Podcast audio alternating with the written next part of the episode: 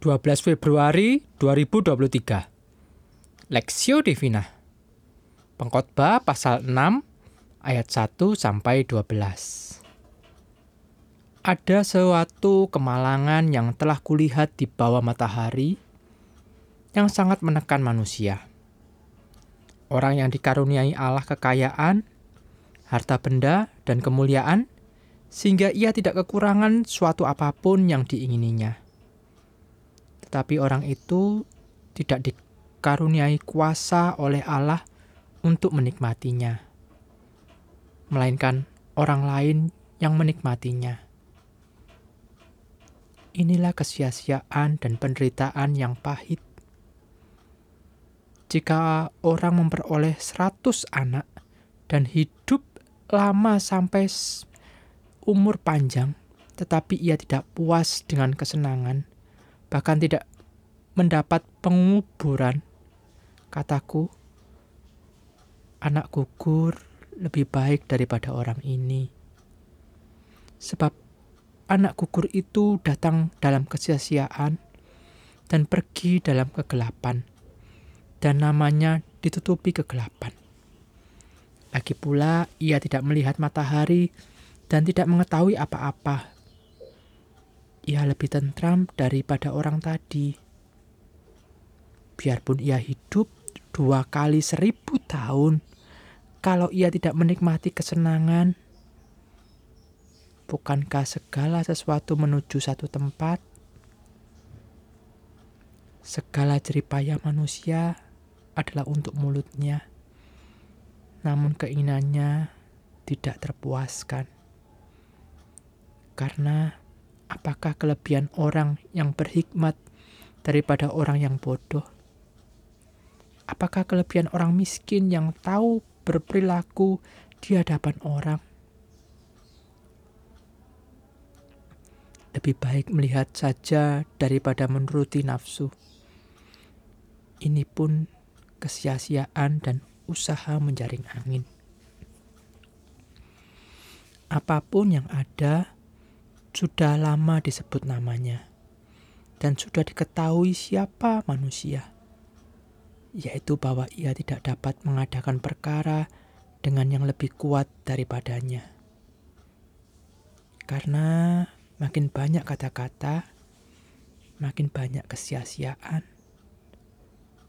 Apakah faedahnya untuk manusia? Karena siapakah yang mengetahui apa yang baik bagi manusia sepanjang waktu yang pendek dari hidupnya yang sia-sia, yang ditempuhnya seperti bayangan. Siapakah yang dapat mengatakan kepada manusia apa yang akan terjadi di bawah matahari sesudah dia? Refleksi tentang kemakmuran perspektif. Orang yang dikarunia Allah kekayaan, harta benda, dan kemuliaan, tetapi orang itu tidak dikaruniai kuasa oleh Allah untuk menikmatinya, melainkan orang lain yang menikmatinya. Inilah kesia-siaan dan penderitaan yang pahit. Pengkhotbah pasal 6 ayat 2. Renungan hari ini diambil dari Pengkhotbah pasal 6 ayat 1 sampai 12.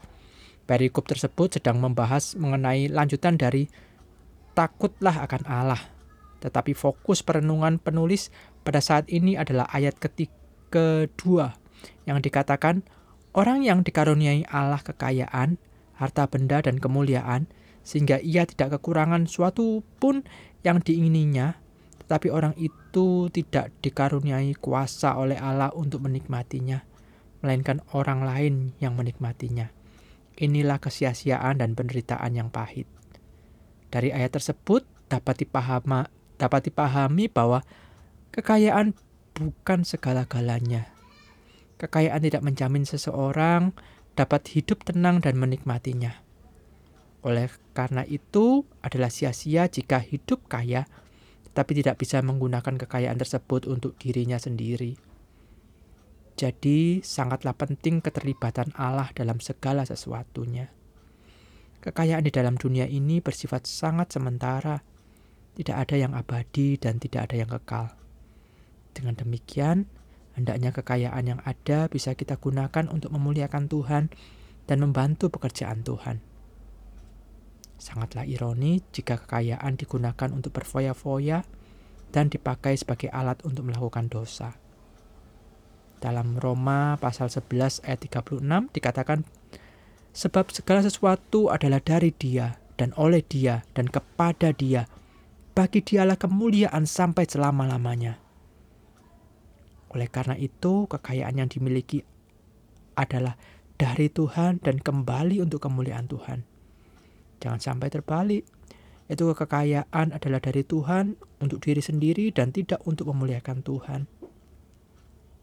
Oleh karena itu, apa yang dapat kita pelajari pada hari ini? Pertama, mengucap syukur kepada Allah atas apa yang telah Ia berikan. Terkadang dalam kehidupan ini, kita selalu mengeluhkan kekurangan berkat.